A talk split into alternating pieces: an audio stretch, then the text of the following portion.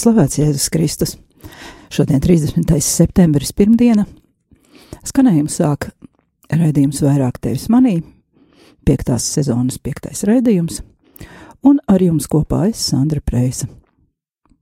Iepriekšējā raidījumā iesākām lasīt karmelītu priestera teoloģijas doktora un Birker, Birkenverderes klostera priekšnieka lekciju Gudrības uzklausīšana. Un, kā jau pagājušajā reizē sapratāt, mēs to nepabeidzām, tātad šovakar turpināsim. Vispirms, ievadā gan gribu padalīties ar kādu skaistu ziņu no Vatikāna. Pāvests ir noteicis jaunu atzīmējumu dienu baznīcā. Parastā laika trešā svētdiena tiks svinēta kā Dieva vārda svētdiena, lai uzsvērtu, cik nepieciešami mūsu ticības saglabāšanai un uzturēšanai ir zināt svētos rakstus. Šajā sakarā ir tapusi arī jauna apustuliskā vēstule, kuras nosaukums ir Aperuit Ilis, uh, latviski tulkojot, viņš, vi, viņš atvēra, ja viņus atvēra, vārds sakot, tas nosaukums ir cēlies no Lūkas evaņģēlija 24. nodaļas 45. panta, kurā teikts, tad viņš tiem atvēra prātu, lai viņi izprastu rakstus. Tas ir situācijā, pēc, eh, kad Jēzus bija augšām cēlējis, bet vēl nebija uzkāpis debesīs un eh, satika savus mācekļus eh, pie ezera. Šajā vēstulē pāvests ļoti vienkāršā valodā un skaidri parāda, ka svētie raksti ir neatņemama un svarīga kristīgās identitātes daļa. Un tekstu var atrast angļu valodā un arī dažās citās valodās internetā. Bet lūkšanas nodomos šovakar un piedāvāju arī šīs nedēļas jūsu pašu nodomos, varbūt tikai nedē, ne tikai nedēļas, vienkārši iekļaut jūsu lūkšanās visus vajātos kristiešus visā pasaulē. Šodien ziņās izlasīju, ka Vietnamā, kura skaitās oficiāli ateistiska valsts, ir piekauta kāda ģimene. Tēvs, māte un sešus gadus veca meitenīte tikai par to, ka ir kļuvuši kristieši. Un meitenīte sasista tā, ka atrodas komā. Uh, savukārt Pakistānā regulāri tiek nolaupītas kristiešu meitenes un ar varu izprecinātas musulmaņiem konvertētas musulmaņu ticībā. Un pat tad, ja ar valsts iejaukšanos kādu meiteni izdodas atbrīvot, tad viņu var nolaupīt vēlreiz, un tas nereti arī ir noticis. Par to runāja arī Budapeštas konferencē, par kuru es jums jau esmu stāstījusi, un fakti ir briesmīgi. Mm, par atsevišķiem gadījumiem mani arī informēja kāds priesteris no Pakistānas, Zaivs Džočs. Viņš man sūta tādas jaunākās ziņas, lai nebūtu tā, ka es izplatu kaut kādas pašizdomājumus, ja tad man ir konkrēti, konkrēti fakti tam, ko es stāstu. Un viņš ļoti lūdza, lai mēs lūgtos par Pakistānas kristiešiem un par Pakistānu vispār, jo viņi arī pagājušā nedēļā piedzīvojuši diezgan smagu zemestrīci. Un šobrīd uh, vairāk nekā 70 valstīs kristieši cieš no vajāšanām. Kad mūsu zemē kristiešus apspieda komunisti, par mums lūdzās Amerikā un Kanādā. Savienotajās valstīs, es domāju, ar, ar Ameriku, jā, ja? un iespējams arī citās valstīs par mums aizlūdza. Un tagad ir pienākusi mūsu kārta lūgties par tiem, kurus vajā. Un tāpat arī par situāciju, kuru veidojas uh, liberālajā Eiropā, Kanādā, ASV un arī patiesībā nav tālu līdz tam, ka pie mums būs līdzīgi. Un vēl palūksimies par mūsu radio brīvprātīgā Ralfa veselību. Dieva tēva un dēla un svētā gara vārdā Āmen. Tēvs paņem savā aizgādībā visus šos nodomus, kurus tikko nosaucām, un vēl pievienot tās vajadzības, kuras mēs paši neprotam nosaukt. Nāc svētais gars, lūdzies mūsu sirdīs, lai ar mūsu Kunga Jēzus Kristus upuri atpirktās dvēseles, iegūtu spēku pastāvēt ciešanās un pārbaudījumos un tiktu izglābtas mūžīgajai dzīvei. Bet viņu vajātāji, ja spēja robežās, ka viņi atgrieztos un nožēlotu. Lai cilvēks spētu sadzīvot saticībā, neskatoties uz to, ka ir atšķirīgi savā ticībā, uzskatos, dzīvesveidā un kultūrā. Tēvs mūsu, kas esi debesīs, svētīts, lai top tavs vārds, lai atnāk tava valstība, tavs prāts, lai notiek kā debesīs, tā arī virs zemes. Mūsu dienascho maizi dod mums šodien, un piedod mums mūsu parādus, kā arī mēs piedodam saviem parādniekiem. Un neieved mūsu kārdināšanā, bet atpestī mūs no ļaunā. Āmen!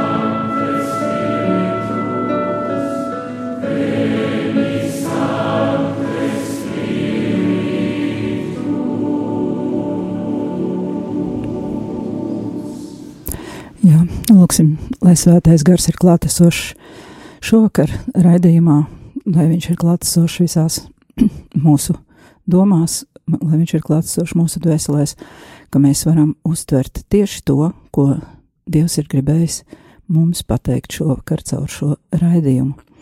Atgādinu, ka jūsu radioaparātos vai kompjuteros vai telefonos skan Radio Marija Latvija un raidījums vairāk tevis manī, un ēterā ar jums esmu es Sandra Preisa.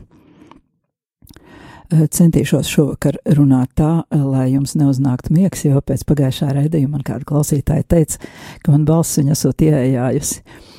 Eh, Bet, nu, varbūt ievada meditācijā. Nu, tad sāksim. Kā jau sākumā pieteicu, eh, šovakar turpināsim lasīt tēva Reinharda Kēnera, karmelītu priesteru un teoloģijas doktora lekciju par gudrību. No vācu valodas to ir tulkojusi Inga Reinvalde no Latvijas karmela laju kopienas. Lekcijas iedvesmas avots ir tās augtās gudrības grāmatas, kuras iekļautas Bībelē, un pilnā tekstā ir pieejamas jaunā, jaunajā Bībeles tulkojumā, tā kā jūs tās varat arī paši pārlasīt vai izlasīt, ja neesat lasījuši. Atgādināšu, kā autors definē to gudrību, par kuru mēs šodien klausīsimies. Gudrība nenozīmē ne cilvēka inteligenci, ne viņa prāta asumu un nezināšanas, ne domāšanas un spriešanas rezultātu, un arī ne garas dzīves sasniegumus izziņā. Pie tā, ko Salamons sauc par gudrību, nevar nonākt domāšanas ceļā. Gudrība rodas pieredzē, tā ir jāsaņem.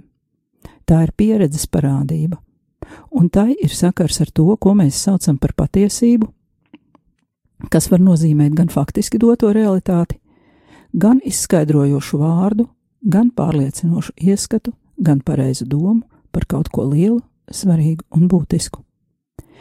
Iepriekšējā reizē, citāta beigas, ja, iepriekšējā reizē mēs pabeidzām ar nodaļu, kurā autors stāstīja, pa kādiem ceļiem pie mums atnāk šī gudrība.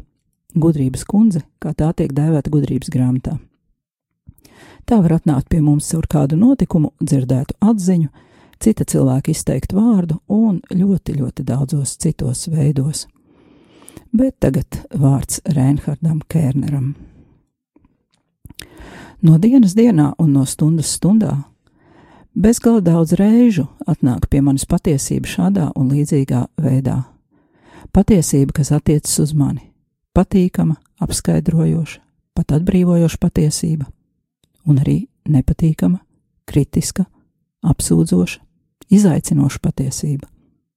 Un dzīves pieredze māca, ja es pieņemu patiesību, lai no kurienes tā nāktu, tā ved mani soli tālāk, tā ienes gaismu tumsā, salauž spriedumus un aizspriedumus, attīra ceļu, tā izaicina, tā stimulē dzīvot. Salamons grib, lai šo atklājumu pamanītu visa pasaule. Sastā nodaļa, pirmais pāns. Kā viņa jūdu ticības brāļi, tā visi citi pilsētas iedzīvotāji. Gudrības dārgums es nepaturu sev, viņš saka. Tā ir neizsmeļama bagātība cilvēkiem. Un tā viņš apsēžas un sacer savu grāmatu. Tās kvintesence ir sekojošās rindas. Tas, ko es mēģināju prozaiski aprakstīt ar dažiem piemēriem, to viņš ir ietērpis tēlaini dzejiskā valodā. Un tagad citāts no gudrības grāmatas. Gudrība ir starojoša un nepārējoša. Kas to mīl, tas to drīz ierauga, un kas to meklē, tas to atrod. Tiem, kas pēc tās ilgojas, tā tūlīt ļauj sevi atzīt. Kas to meklē rīta agrumā, tam nav jāpūlas, tas atrod to sēžam sev durvju priekšā. Par to domāt ir prāta pilnība. Kas tās dēļ uzmostas, drīz atbrīvojas no rūpēm. Tā pati staigā apkārt, meklēdama tos, kas tās cienīgi, tā viņiem draudzīgi parādās visos ceļos, un nāk katram pretī, kas par to domā. Sestā nodaļa, 12, 16. Gudrība gaida durvju priekšā. Jau agri no rīta, kad vēl pusmiegā parādās pirmās domas, un tās staigā mums līdzi visos ceļos dienas gaitā. Pat naktī mūsu sapņos tā var runāt uz mums. Toreiz Aleksandrijā, šodien Berlīnē, Parīzē un Londonā, Prāgā un Briselē. Tās cienīgi ir visi cilvēki bez izņēmuma. Visi, kas par to domā, ticīgie un neticīgie, Gudrības kundze nepazīst kultūru robežas. Tā spēcīgi izplatās no zemes viena gala līdz otram, raksta Salamons, un visu pārvalda labestīgi. Jauna nodaļa saucas gudrais, muļķis un ļaundaris. Gudrības pieredzi var aprakstīt ar šādiem vārdiem: skatīties, ieskatīt, pamanīt, brīnīties, bet vispirms Bībele lieto šo vārdu 1200 reižu - klausīties. Patiesības uztveres līdzeklis ir apzināta un bezieruna klausīšanās uz to, ko patiesība mums vēsta. Gudrais ir tas, kas atvēl sevi patiesībām, kas dzīvi ir nodevis tām. Pretstats gudrības uzklausīšanai ir kurlums pret gudrību, muļķība un pārkāpums, kā saka Salamons saskaņā ar savas tautas tradīciju. Muļķis ir cilvēks, kas patiesību neievēro. To varbūt arī tīši nesaklausa, paiet te garām. Pārkāpējs ir tas, kas patiesību izloka un pārvērš puspatiesībā, kas to aizklāja ar visāda veida prātojumiem un liek tos prātojumus gudrības vietā, kas to sagroza gan sev, gan citiem. Tradīcijā, no kuras nākam mēs, kristieši, klausīšanās uz gudrību no augšienes ir tieši reliģiskās dzīves pamata aktivitāte. Kad Jēzum no nāceretes jautāja, kurš bauslis ir vispirmais, viņš atbildēja ar Šmā Izraēlu, galveno vecās derības tekstu, kas pirms vēstīt par vienīgo dievu iesāk ar uzaicinājumu Klausies Izraēlu! Protams, mēs, kristieši, no uzklausīšanas esam stipri atradinājušies. Mūsu reliģiozitāte galvenokārt pastāv runāšanā. Apliecinot, mēs runājam ticības patiesības, tajās pietiekam neieklausoties. Mēs runājam ar vārdiem, kas kā ar laiku ir saistīti un definējoši ierobežojošai valodai piederīgi, gudrību tie vairāk aizsedz nekā atklāja. Lai patiesību no augšienes mēs izteiktu pareizi, un tā mums zūd saprašana par valodu, kurā pie cilvēces vēršas patiesības garš, gars, kas pūš kurp grib. Šajā apstākļā es saskatu galveno iemeslu, kādēļ visur žēlojas par to, ka baznīcas ir zaudējušas uzticēšanos. Citus aizkustināt var tikai sprediķotāji un teologi, ko pašus ir aizkustinājusi patiesība.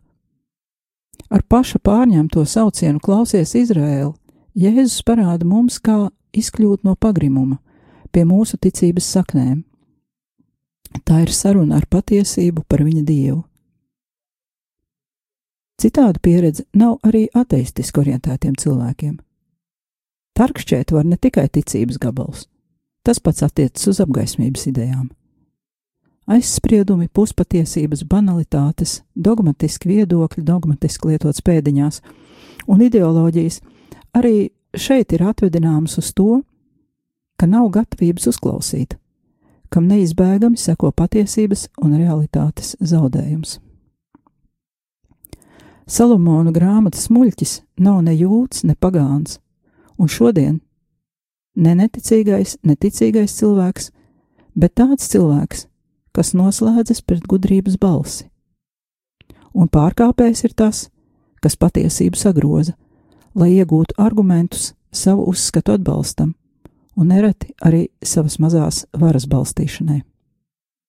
Tajā pašā laikā ir miljoniem cilvēku, kam dažādu iemeslu dēļ vairs nav antenas reliģijas uztveršanai, arī antena likta pēdiņās, protams. Tie ne jau nicinot tikuši nosaukti par reliģiski nemuzikāliem. Maksis Vēbers tā ir teicis. Tam var būt zināms attaisnojums, kas attiecas uz gudrības uzklausīšanu. Nemuzikālo nav, ir tikai tie, kas steigā un stresā nevar sadzirdēt kluso dziesmu visās lietās skaļie un ilgie runātāji, kas to pārkliedz, un arī pārkāpēji, kas prot katru melodiju pārveidot savu maršu toņkārtā. Tagad maza muzikālā pauzīte, un turpināsim. thank you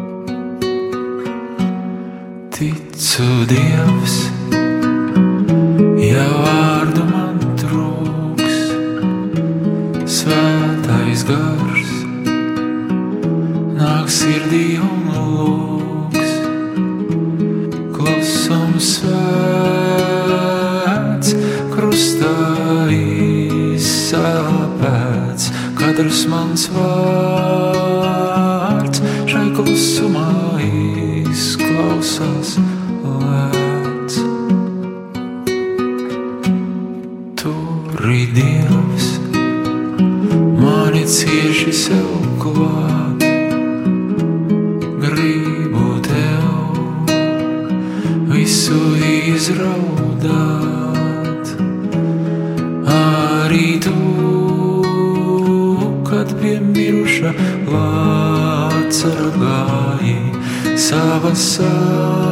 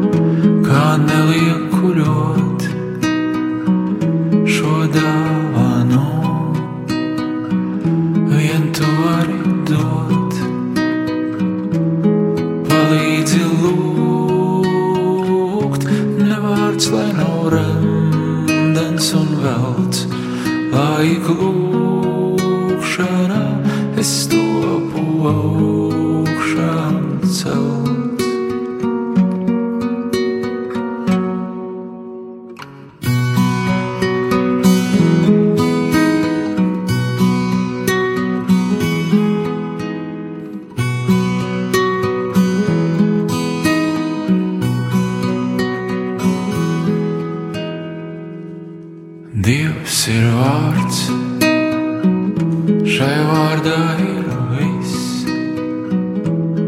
Mīlestība un debesis, svētlaimē, kad lūdzoties Dievā ir būts. Svētais gars, nāc manā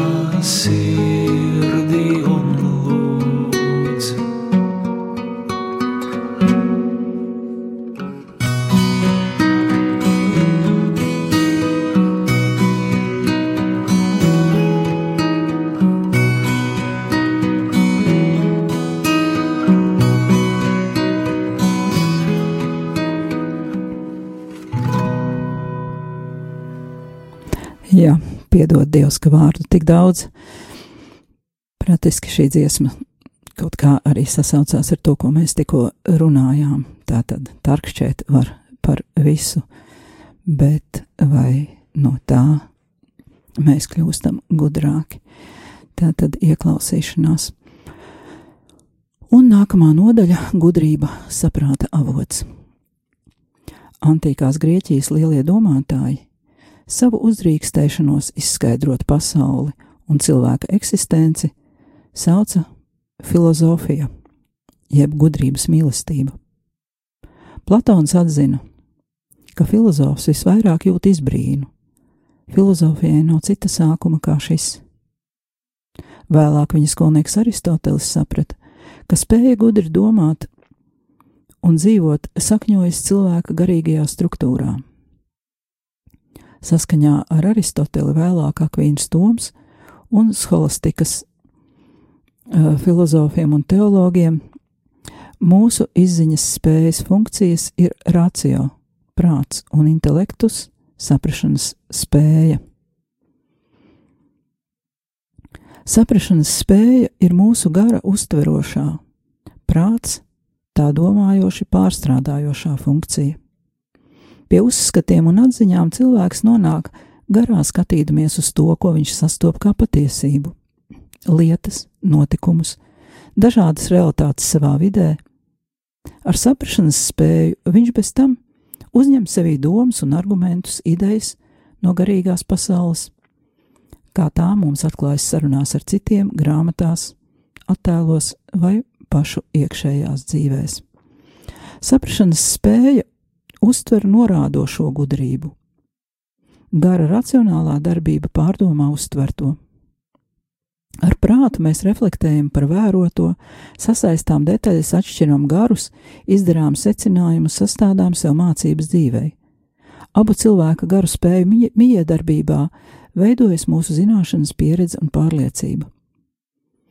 Kad jaunajos laikos gara zinātņu attīstības gaitā prāta un saprašanas spējas sakaram draust, draudēja aizmirstība, Šelings vērsa izglītotās pasaules uzmanību uz to, ka prāts, cik tālu tas pats sevi pieņem par avotu un principu, nav īstas izziņas spējīgs. Jo, domā vācu filozofs, tas, kas tam kļūst par esošo un izzināmo, iet pāri prātam, un to tam tādēļ ir jāatstāj citai izziņai, konkrēti pieredzēji. Šelinga skaidrojumu ierosināts Krievu 19. gadsimta domātājs Vladimirs Salovjovs attīstīja savu sofioloģiju, par ko pastiprinājusies interese šo, šodienas filozofijas dilemmā. Cilvēks, kas vienpusīgi aprobežojas ar prātu, kas aizmirst par intelektuālu vērošanu, līdzinās datoram ar bloķētu ievadi. Viņa pārdomas un spriedumi cirkulē noslēgtā sistēmā. Viņa uzskati attālinās no īstenības, pārtop ideoloģijā, realitātei svešās ideju pasaulēs. Viņa vārdi abstraktos skaitļos un simbolos. Viņa mācībā aiz sevis atstāja tukšumu. Gan reliģiozā, gan nereliģiozā pasaule pazīst šo gara ievirzi un no tās izrietošās sekas. Uz gudrību vērstā dzīves forma turpretī, līdz ar racionālo, attīsta arī gara intelektuālo spēju. Gudrais zina, ka visas mācību un jēdzienu sistēmas, visi reliģiskie un nereliģiskie esamības iztūkojumi, visi spriedumi un visas zināšanas ir ierobežotas, un attiecībā uz realitāti un patiesībām bieži vien paliek ārpus gara durvīm. Pie mūsu dvēseles struktūras mācīs holistika. Bez izziņas spējas pieder arī griba, cilvēka lemšanas spēja. Ar gribu kā lemšanas spēju mēs varam apzināti nodarbināt prātu un saprašanas spēju. Protams, gribas darbība ir atkarīga no sajūtas spējas, mūsu noskaņas un jūtām. Vispirms mūsu simpātijas, mūsu vērtējumi, mūsu izšķiršanās un mūsu bailes, un pat slēpta orientācija no tieksmes atzīt līdz paklausības, līdz paklausībai autoritātei. Tas viss motivē iekšējo lemt spēju, kaut ko jaunu, nezināmu, svešādu, un līdz šim maz ievērotu, vai nu pieņemt, vai nu pret to noslēgties. Saskaņā ar gudrību cilvēks, uzmanīdams savas domāšanas un rīcības motīvus, arī šajā aspektā izšķir garus pēdiņās un ar vienu no jauna ielaižas piedzīvojumā par spīti visai inercei un aizspriedumiem atvērties arvien plašākai un visaptverošākai patiesībai. Kā trešā gara spēja pievienojas atmiņa, memorija, kā mācīja Augustīns un Skolastiķi.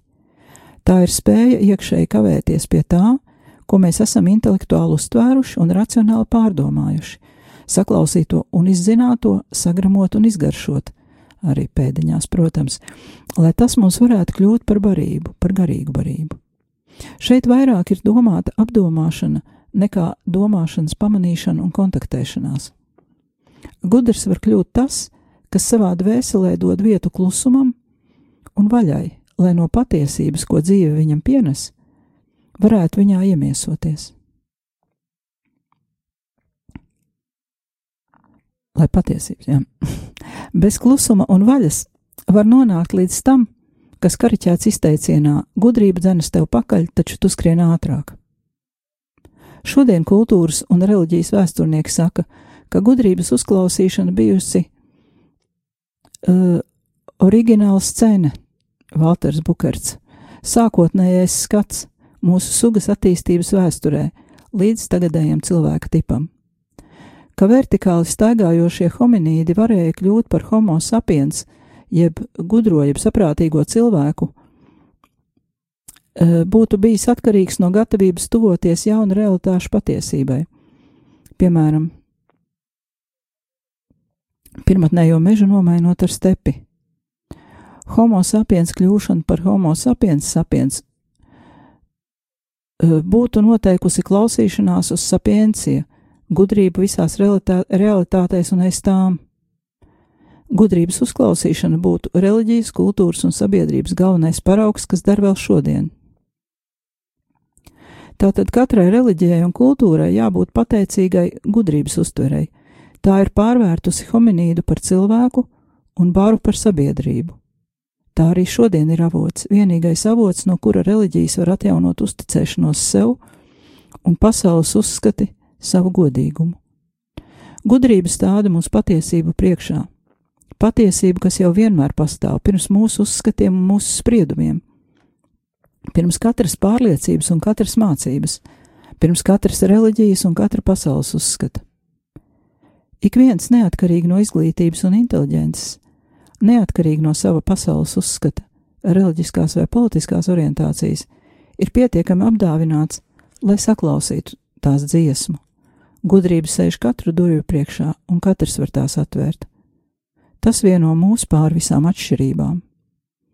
Gudrības uzklausīšana sastāda fundamentālo reliģiju. Visās reliģijās tā ir cilvēces galvenais garīgums. Garīgums latīniski, spiritualitas, kādreiz bija kristīgs vārds. Ieviests 5. gadsimtā pusotru tūkstošu gadu tas apzīmēja dzīves praksi, ko iedvesmo un vara vada spiritus sanctus, svētais gars. Kad 20. gadsimta vidū to sāka lietot ārpus teoloģijas, 1950. gados izplatoties Francijā, spiritualitē, arī vācu valodas zemēs, tas nošķīrās no tādiem jēdzieniem kā reliģiozitāte un dievbijība. Kopš tā laika šo vārdu lieto tālu ārpus baznīcas robežām. Šodien ar spiritualitāti saprot garīgumu visplašākajā nozīmē, sakarā ar katra veida garu, kas cilvēku dara dzīvu, sakarā ar ideālām pamatdomām, no kurām viņš vadās savā domāšanā un rīcībā. Atkarībā no šī garīguma izcelsmes mēdz runāt par budistu, islāma, jūdu un kristīgo garīgumu, jeb spiritualitāti, vai arī par spiritualitāti, ko sauc to, ko cilvēks sev par palīdzību dzīvē ir izveidojis pats no dažādām reliģiskajām un kultūras tradīcijām. Tagad arvien vairāk sāk runāt pat par nereliģisku vai ateistiski humanistisku spiritualitāti. Piemēram, Andrē Kons Sponvils, pārliecināts ateists un viens no vadošajiem Francijas filozofiem, savā grāmatā Ateisma gars apņēmīgi skaidro jautājumu, kāds var izskatīties ateistu garīgums. Spiritualitāte ir kļuvusi par jēdzienu, kas iet pāri reliģijām un pasaules uzskatiem. Reliģija ir spiritualitātes forma, par šo faktu pareizi raksta Andrē Kons Sponvils, taču ne katra spiritualitāte nepieciešami ir reliģioza. Varbūt kāds kristīgs laika biedrs nožēlo, ka jēdziens ir tā izmainījies. Tomēr, ja to pieņem, tad paveras ceļš uz cilvēku kopību. Visām dažādajām spiritualitātēm un garīgumiem pamatā ir attieksme, kas senās cilvēces tradīcijās saistās ar vārdu gudrība. Lai arī kādas spiritualitātes un garīgās attieksmes veidots būtu garīgs cilvēks, viņš visos gadījumos grib, lai viņu saprastu kā cilvēku, kas dzīvo apzinīgi, modri, orientējas uz patiesību, kā tādu, kas domā un rīkojas, klausīdamies uz gudrību. Jau šo gribu vien vajag ņemt nopietni. Mūsu jaunajā Eiropā mēs nevaram iztikt bez tā, ka meklētu kopējo un to, kas rada kopību. Es ticu, ka šis kopīgais un vienojošais aiz fakta, ka mēs esam cilvēki, vispirms cilvēki, pirms jebkādas piedarības reliģijai, konfesijai un pasaules uzskata atzīšanas, ir spēja pieredzē iegūt gudrību. Daudz cilvēku uz zemes šo gudrības pieredzi atbilstoši savai reliģijai saist ar dievu vai numinozo. Kristieši, tā tad arī es, tajā saredz svētā gara darbību, kas, kā saka Jāņa evaņģēlijas, iziet no tēva un vēlas mūsu cilvēkus ievest visā patiesībā. Citi to izskaidro tīri dabiski ar cilvēka izziņas sociālo tīklojumu. Vēl citi to atvedina uz kosmisku pasaules garu, kurā mēs piedalītos, vai arī uz kolektīvo zemapziņu, no kuras katras, dvē, katras dvēseles slēptajās dzīvēs var smelties kā no mantota cilvēka vēstures pieredzes krātuves. Tomēr mums visiem kopīga ir spēja uztvert gudrību, norādošo patiesību, un kopīgs mums ir arī tas, ka mēs to varam pieņemt, noraidīt vai sagrozīt. Mūsu cilvēkus vieno tas, ka mums ir auss, ar ko var saklausīt gudrības dziesmu. Par šo pamatkapitālu mums derētu padomāt. Vācijas austrumos mēs šajā ziņā četrus gadu desmitus varējām iegūt labu pieredzi. Protams, tieši no laika pirms 1989. gada mums ir zināms arī pretējais.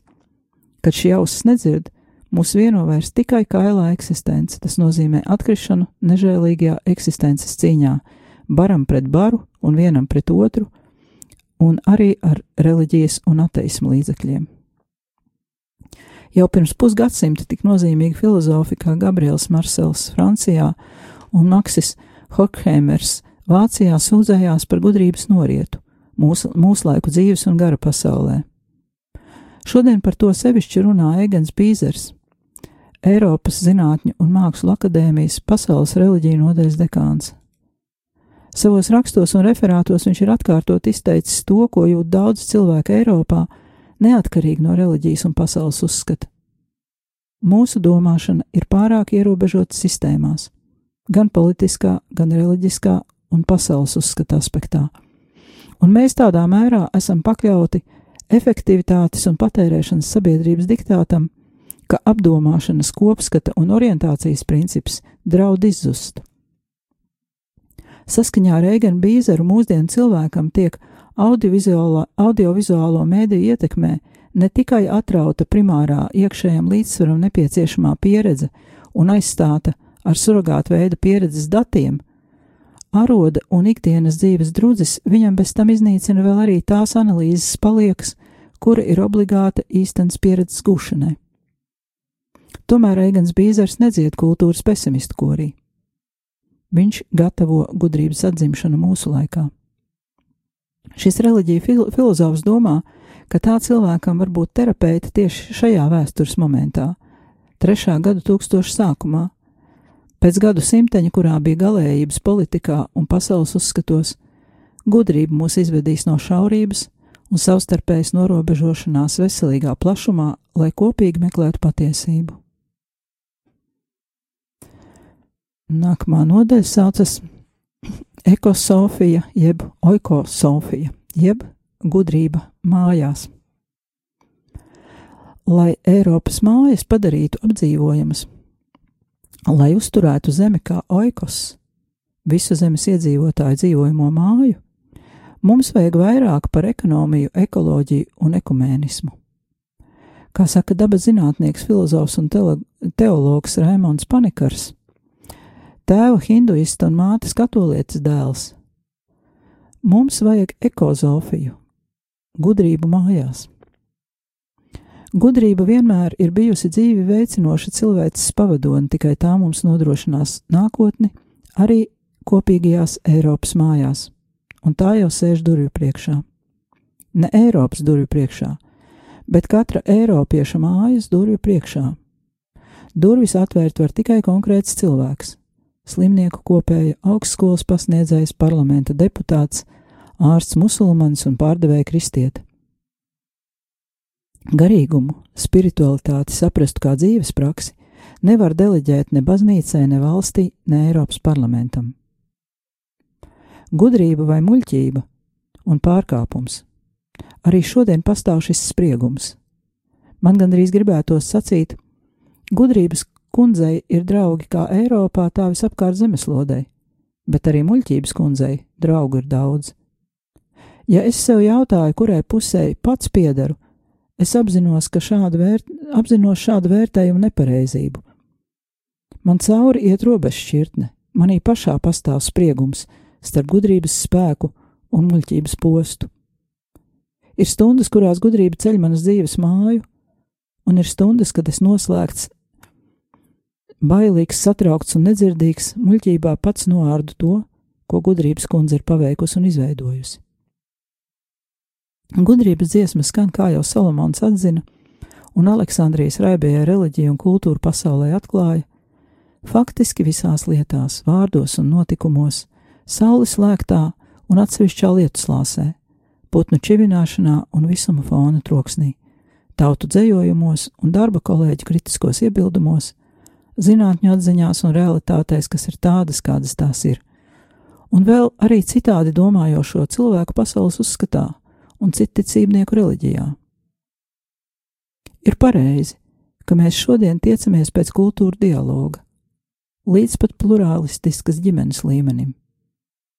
Tomēr panākumi nepieciešamajām sarunām par pasaules uzskatu, ētiskiem vai politiskiem jautājumiem pie ierastā galda vai parlamentos būs tik tālu, cik tālu mēs ne tikai savstarpēji diskutējam pretējus viedokļus, bet esam gatavi klausīties uz norādošo patiesību, kas varbūt atrodas kaut kur dziļāk.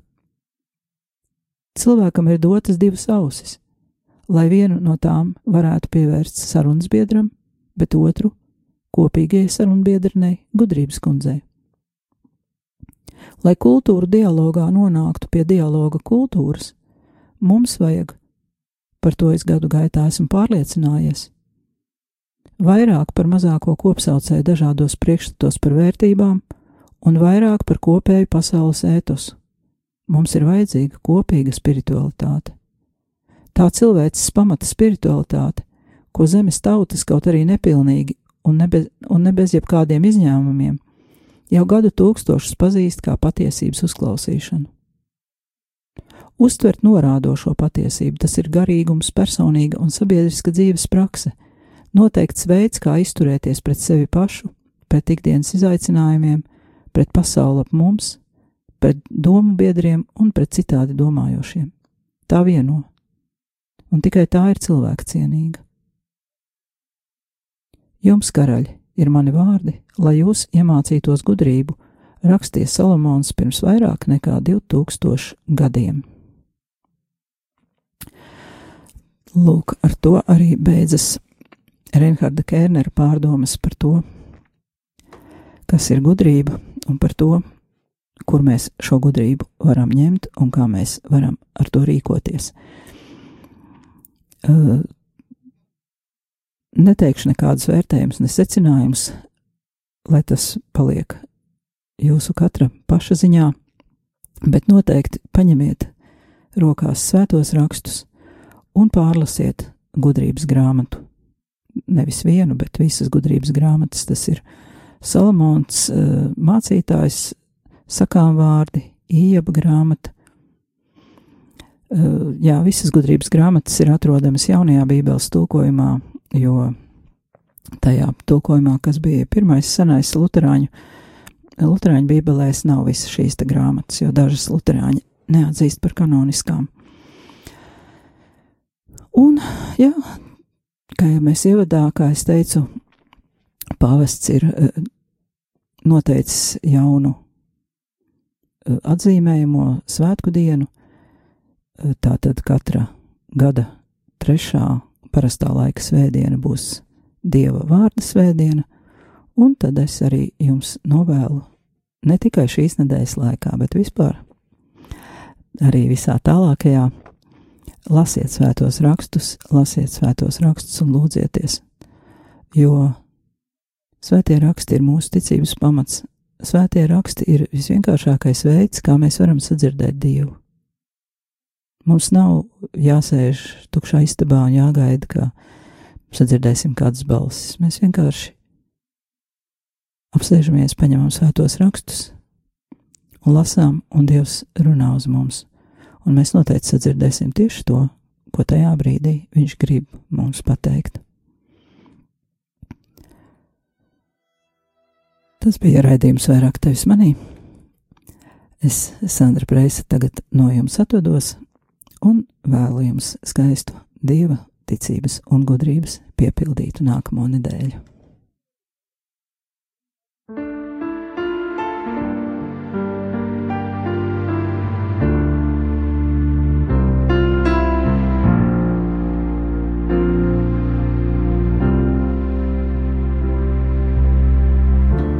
Mīlestības